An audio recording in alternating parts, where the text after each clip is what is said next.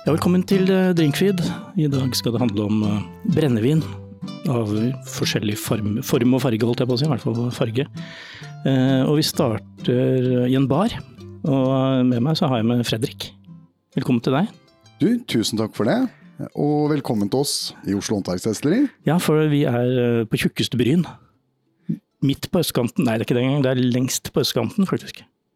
Vi er, vi er på utkanten av sentrum øst. Utkanten av sentrum. Her ligger det en skal vi kalle det en litt sånn ukjent perle, nemlig et, det er et vaskeekte destilleri. Men det går vel under kategorien mikrodestilleri.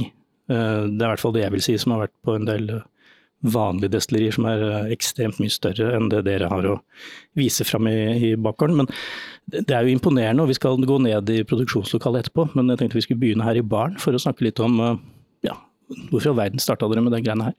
Nei, altså først må vi jo huske på at uh, vi har jo en lang historie i Norge om uh, for destillering. Men så kom det en brå slutt med forbudstiden på begynnelsen av 1900-tallet. Så hadde vi 90 år hvor ja, Det er jo ikke så langt herfra, borte på Hasle. Hvor da staten gjennom Vinmonopolet hadde jo sin uh, produksjon. Som var jo ganske smal i både uttrykk og form og i det hele tatt. Og så er det jo da for ca. da nå 10-15 år siden så åpnes det opp for at vi kan begynne å ha uavhengig destillering i Norge.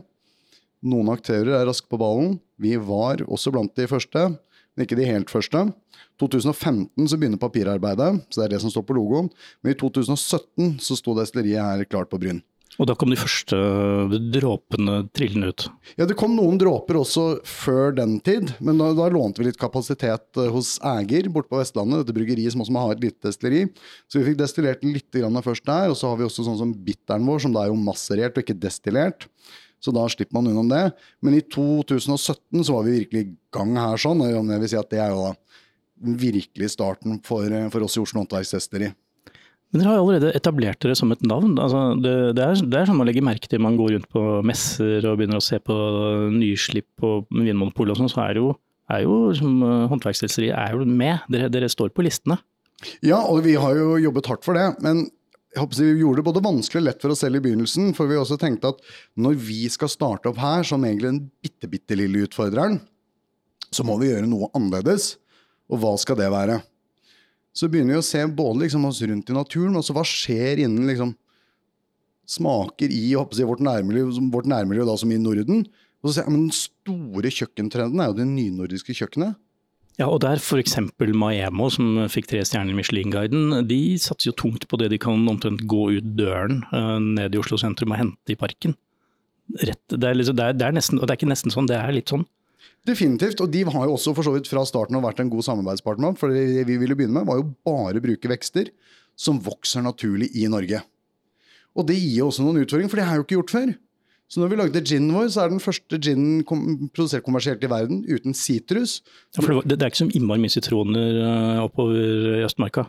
Verken i Østmarka eller i norske fjellheimen, eller egentlig på Sørlandet heller.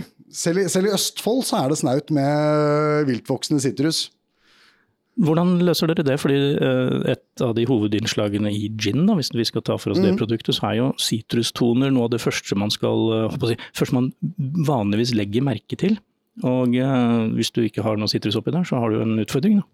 Ja, altså da må vi begynne å jobbe. og Da er det liksom å, det er å eksperimentere, det er å lære. Altså, Einebær i seg selv inneholder faktisk en del sitrustoner i smaken. Så gjort det riktig med destilleringen der, så får du litt der. Men så er det sånn som da furuskudd har jo også en naturlig sitrussmak. Så den har vi også eksperimentert en hel del med. Hatt med hele veien i ginproduksjonen, men vi har byttet litt hvordan vi destillerer, hvilken mengde vi har. For Furuskudd kan også ha sine utfordringer. Da har den kjente sveppestesten i, blant oss ginprodusenter. Hvis ginen din ikke smaker godt med sveppes, så har, du, så har, du, ikke en vinner. Og der sleit vi i begynnelsen.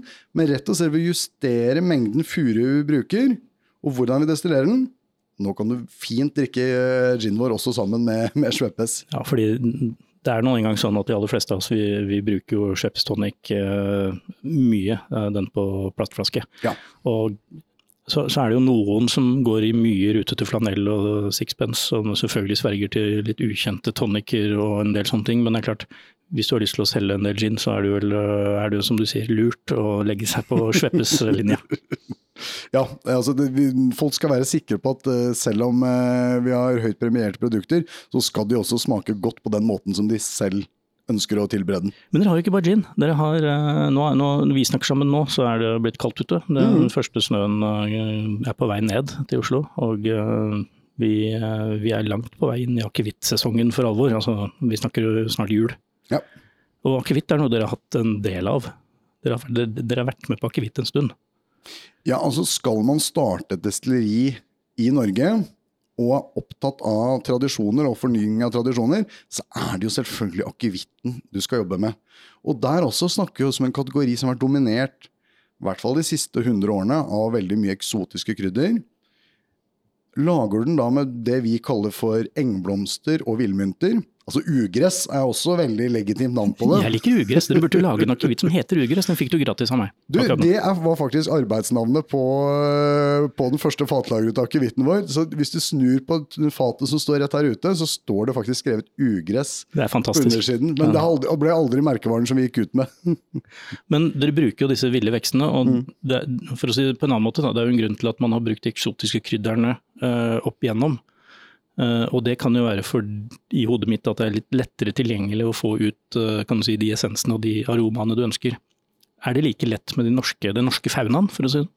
Det, det er jo det, det men også, det, det, blir bare litt annerledes. Og så er det ikke så mange faser du kan gå tilbake til. Men det meste av det vi bruker, er ikke i destilleringssammenheng veldig ukjent. Altså, jeg tror nesten alt vi bruker, er f.eks. brukt ganske mye i kommersiell ginproduksjon. Det som er unikt, er at vi lener oss bare på disse vekstene. Så vi egentlig, vi har ikke lagt til noe, men vi har egentlig tatt bort litt ting. Altså sånn som koriander og stjerneanis, eh, og som vi nevnte, sitrus.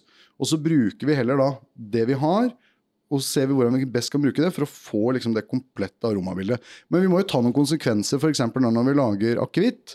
Altså, det er jo historiske grunner også hvorfor vi har brukt veldig mye sherry og hetvinsfat. Det er også tilbake til forbudstiden med tanke på at vi hadde en uh, handelsavtale som gjorde at vi eksporterte tørrfisk. Hvem uh, kjøper tørrfisk? Jo, det er de som produserer hetvin, så vi måtte kjøpe tilbake, og staten satt av med mange den type fat. Og det fungerer jo supert når du lager disse eksotiske krydderakevittene.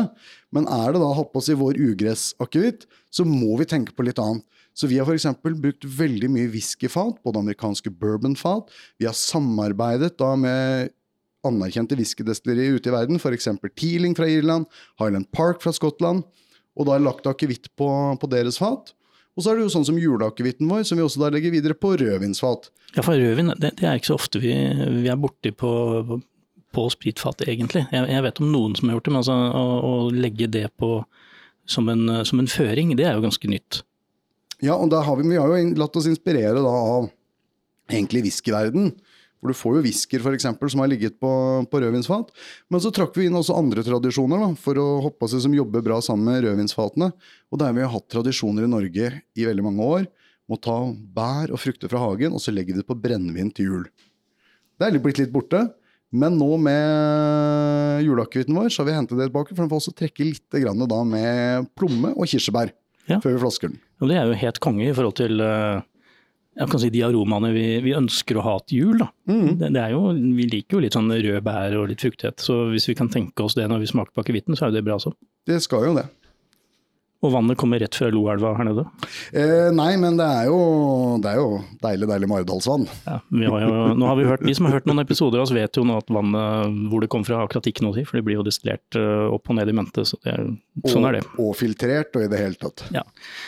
Skal vi ta en tur ned i eh, produksjonslokalet, så kan du fortelle meg hvordan et mikrodestilleri funker? Det er, det, er, det, er, jo egentlig bare et stort hjemmerenseapparat, er det ikke det? Vi får se. Vi går ned i hallen.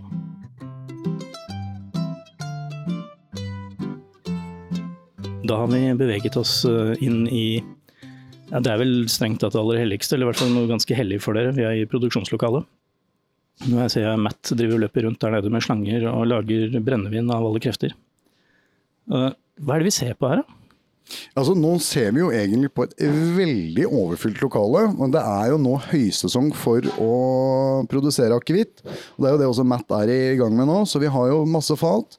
Vi har masse paller som er på vei ut, og vi har store tanker hvor vi har da potetbrennevinet, som til slutt skal på et eller annet tidspunkt igjennom den eh, store kobberkjelen som vi ser eh, foran oss her. sånn. Ja, det er en pottstil, og kjapt beskrevet. Den er da kobberfarget, eh, med en liten morsom svanehalstut på toppen. Mm -hmm. Denne svanehalsen ender i en 90 graders avsmålet kolbe og går inn i noe rør. Det er jo litt forskjellig hvor, hvordan man lager disse halsene i forhold til om man skal bruke, lage konjakk eller andre typer brenneviner, men denne er i hvert fall 90 grader. Ja, og vi lager jo her det vi kaller for botaniske brennevin. da. Og da er det jo Det folk umiddelbart tenker på, i hvert fall ute i verden, er jo da gin. Men selvfølgelig akevitt er jo også sånn type brennevin. Og vi lager en vodka, men som vi også da smaksetter ved å bruke disse norske veksene. i den sammenheng bjørkeblader. Og vi lager jo for så vidt også en bitter her. Den er ikke destillert, den er jo såkalt masserert. Altså vekstene ligger bare og trekker i brennevin før det da siles av, og så fatlagres den. Ja, etter, etter teposemetoden, for å si det sånn nærmest. Ja. Eh, og så har dere en eh, det noe rør, og altså hele oppsettet deres er jo veldig lite. Det er nesten så jeg hadde fått plass hjemme i min egen garasje eh, til selve brennebiten her. Men eh, det ligger en eh, ståltank, en rustfritt stålbit i midten der. Hva er det for noe? Ja, vi kan jo begynne, for vi har jo da selvfølgelig da så pottstillen, som folk eh, kanskje der ute klarer å se, se for seg. Som du sier, den går gjennom denne løkformen, gjennom denne svanehalsen. Og så har vi da denne, som her ser nesten ut som et eh, oljefat i rustfritt stål. Ja, Det er litt sånn trykkokeraktig. Det er jo det, for her må det skrus ordentlig til, for oppi der så fyller vi da en del av disse vekstene som Altså, Man må jo huske hva, hva er det vi gjør her. Vi koker ting i sprit. Altså røtter og tørkede bær, det går fint. Eh, disse engblomstene og villmyntene våre kan ha bedre av litt mer skånsom behandling. Så her kommer jo da dampen, etter at den har kommet ut av eh, pottstillen, går igjennom eh, denne tønna.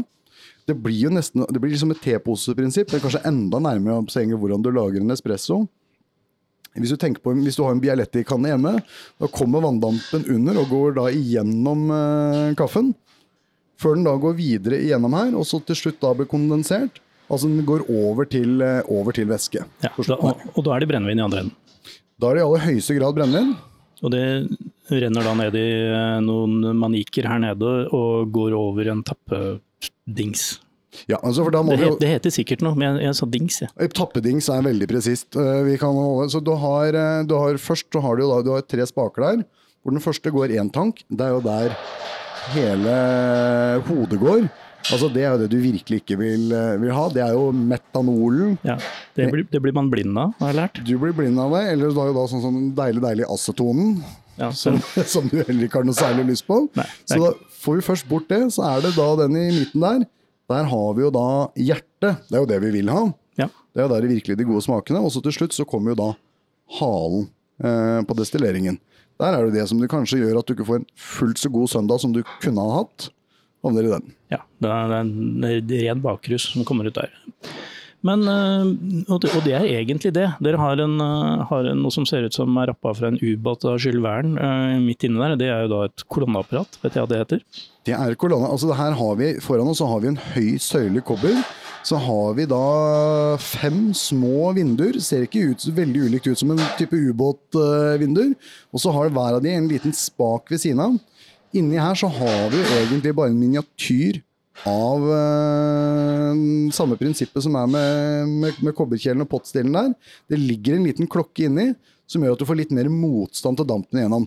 For det her må vi jo huske på med destillering. Altså det vi gjør, at vi skiller vann og alkoholene. Og det er rett og slett da ved å skape motstand, og her har vi da fem muligheter til for å hoppe og si, holde vannet nede og få bare alkoholen med oss videre oppover. Men denne kolonnen bruker dere primært til vodka. Den bruker vi utelukkende når vi produserer, eh, produserer vodkaen vår. Og da bruker vi også disse platene til smaksetning, så da bruker vi sånne type humleposer som man bruker i ølbrygging. Så legger vi f.eks. Bjør bjørkeblader og hylleblomster på platene der. Og da går da denne dampen igjennom de på, på samme måte som vi snakket om i, i dampkurven. Ja. Så når dere lager vodka, så kobler dere på den, og når dere skal lage andre ting, så, så kobler dere bort den. Og det er veldig praktisk. Da, da kan dere jo egentlig lage egentlig hva som helst her. Ja. i den hele setupen her. Altså, det, det, vi, vi kunne teknisk sett vi kunne lagd whisky og sånt her. Vi har gjort et par eksperimenter hvor vi har destillert ting fra håper å si, fra grunne, grunnproduktet, altså hatt en vin f.eks., og, og, og destillert her. Men som sagt, vi jo, lager jo da botaniske brennevin. Og da er det egentlig formen på de, som er med all akevitt med algin. Man begynner med et nøytralt brennevin. For vår del så er det norsk eh, potetsprit fra Hoff på 95% som kommer inn på disse 1000-literne. Ferdig, ferdig sånn rilla, sånn opphøgd Ja. Det, det er de avkappene fra opphøgd potet. Det er de, de går til, går til brennevinet. Så der vannes det jo da ned til 55% og så smaksetter vi det, som sagt disse vekstene. Og så er det da å redestillere det gjennom dette, dette apparatet. Det er mange ikke tenker på, at det er ganske mye vann i brennevin. De er jo fort øh, 60% øh, vann. Ja, I sluttproduktet er det jo det. Ja. Greit, og så har du jo det vanlige som man trenger når man lager eh, kommersielle eh, produkter som dere. Dere har flasketappelinje som er eh, egentlig ganske universell. Ser ut som det kunne vært på hvilken som helst vingård i, i Toskana, dette her. Ja, og, det er egentlig hele greia, men så har du jo et fatlager. fordi skal du f.eks. lage norsk akevitt, så må det jo noe fat inn i bildet. Det må det helt klart. Nå ser vi, når vi ser utover her, så ser vi litt ulike typer fat. Vi ser, eh, vi ser en del eh, amerikanske bourbonfat som det er eh, akevitt i. Men vi ser også noen franske da, rødvinsfat. Som også det er fylt av akevitt i. Det er jo da juleakevitten vår som er i disse, disse rødvinsfatene. Hvor lenge, hvor lenge lar dere det ligge? Litt uh, forskjellig. Vanlig akevitten vår ligger på bourbonfat i et halvannet år. Eh, og noen av de da ender jo da opp som å bli den vanlige akevitten vår, mens da juleakevitten flyttes da over på rødvinsfatene. Rødvinsfatene er litt større, men da vil vi også ha den liggende på litt lavere alkoholprosent. For å gi litt sånn mykere uttrekk av rødvinsfatene. Så da tilsetter vi også litt vann, så da vanner vi den ned til 55% Vi legger jo vanligvis akevitt samme som med whisky på 63% på fatet. Mens de litt spesielle fatene, for å gi et mykere uttrekk, så legger vi den på med bare på 55% alkohol. Hvis, eh, si, hvis eh, dere skulle lagd eh, et, enda et produkt, dere lager gin, dere lager vodka, dere lager akevitt uh, Fins det noe annet dere drømmer om å lage? Jeg håper å si både, både ja og nei. Men nå skal vi også tenke vi er et fryktelig lite uh, destilleri. Og vi har allerede veldig mye prosjekter som vi både har gjennomført og på gang. Mye av det går jo på akevitt, mye av det går jo da på fatlagring. Så jeg tror per nå så tror jeg vi egentlig angrer litt på at vi har lagt så mange produktlinjer som det vi har gjort. Så jeg tror, jeg tror kanskje et par av ideene skal vi spare fortsatt noen år. Men vi har eh, fortsatt på fatlageret vårt, som ikke er her, men som ligger jo da oppe på Ulven. Fire etasjer under bakken. Eh, I en liten hule der sånn, så har vi en hel del fortsatt andre spennende fat, i tillegg til de vanlige standardfatene, som ligger og, ligger og godgjør seg. Så jeg tror det er, nok ikke tidspunktet for oss for å begynne å finne på enda en produktlinje utenfor eh, de kategoriene vi i hvert fall jobber i per dag. Jeg står og ser på noen av flaskene du har satt frem eh, til pynt her. og eh, Det står ikke noe om at det er ulvenlagret, dette her. Nei, det, det er, er Oslo-lagret. Oslo-lagret, ja. ja. Men i hvert fall veldig lokalt og veldig kult. Kan jeg spørre om, altså, hvordan det, er som du sier et mikrobryggeri, nei mikrodestilleri, unnskyld. Og, og hvordan sjonglerer dere med altså, alle, alle som har regna ut nå, vet jo at det tar så og så mange måneder fra du produserer akevitten til du kan selge den. Da må den ligge så og så lenge på fat. Det har du akkurat forklart.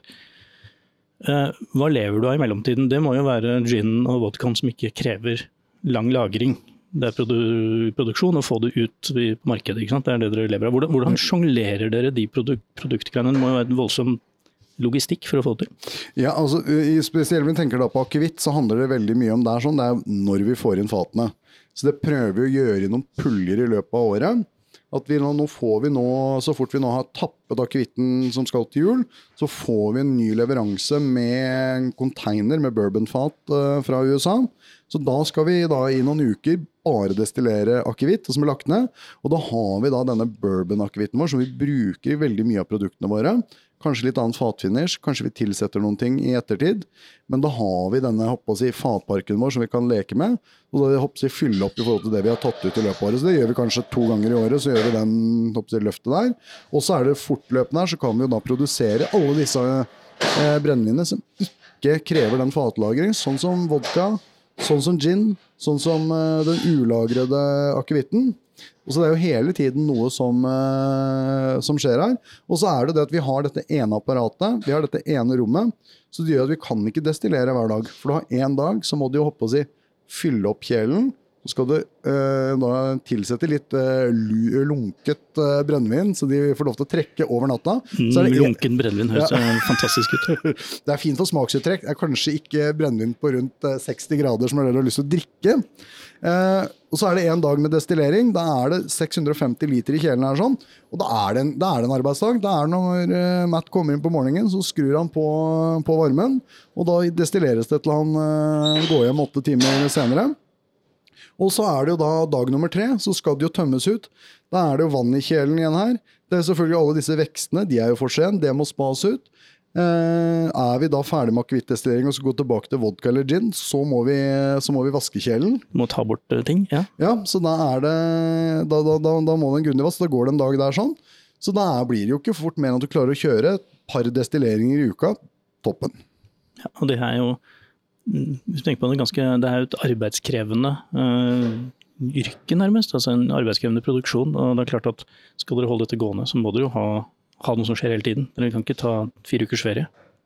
Nei, altså også stort sett så har vi jo hoppa oss i de travelste periodene våre de siste årene har kommet på sommeren, hvor vi har eh, Jeg skal ikke si uventet, for vi er, er jo stolte av det vi lager, men vi har fått eh, timet noen eh, høye internasjonale utmerkelser som har kommet 1.7. Så vi har fått litt eh, hinder i sommerferieavvikling eh, de siste par årene, men det, det er bare veldig veldig hyggelig å se at eh, produktene flyr ut. altså. Ja, Det er jo mer et luksusproblem, kanskje. Nei, det er bare luksus. Det er- det er ren luksus, det er ikke bare problem, luksus. Ferie kan vi ta på høsten. Nå har ikke du lov til å fortelle meg om produktene dine her på, på direkten, holdt jeg på å si, på podkasten. Så det- er jeg som skal få lov å smake og fortelle om hva jeg syns om de. Og det kan dere rett og slett eh, lese om, eh, dere som hører på, i, eh, i konteksten til, til denne episoden. Jeg tenker at eh, dette var et vimmelig koselig innslag nå rett før jul. Eh, Hyggelig at du tok oss imot, og at vi kunne fortelle om et mikrodestilleri eh, midt i Oslo. Det, det er kult. Jo, tusen takk for, eh, for besøket. Og så er det jo da egentlig bare å ønske alle der ute en riktig god jul. Og så håper man at man eh, har rundet seg en eh, ekstra god akevitt.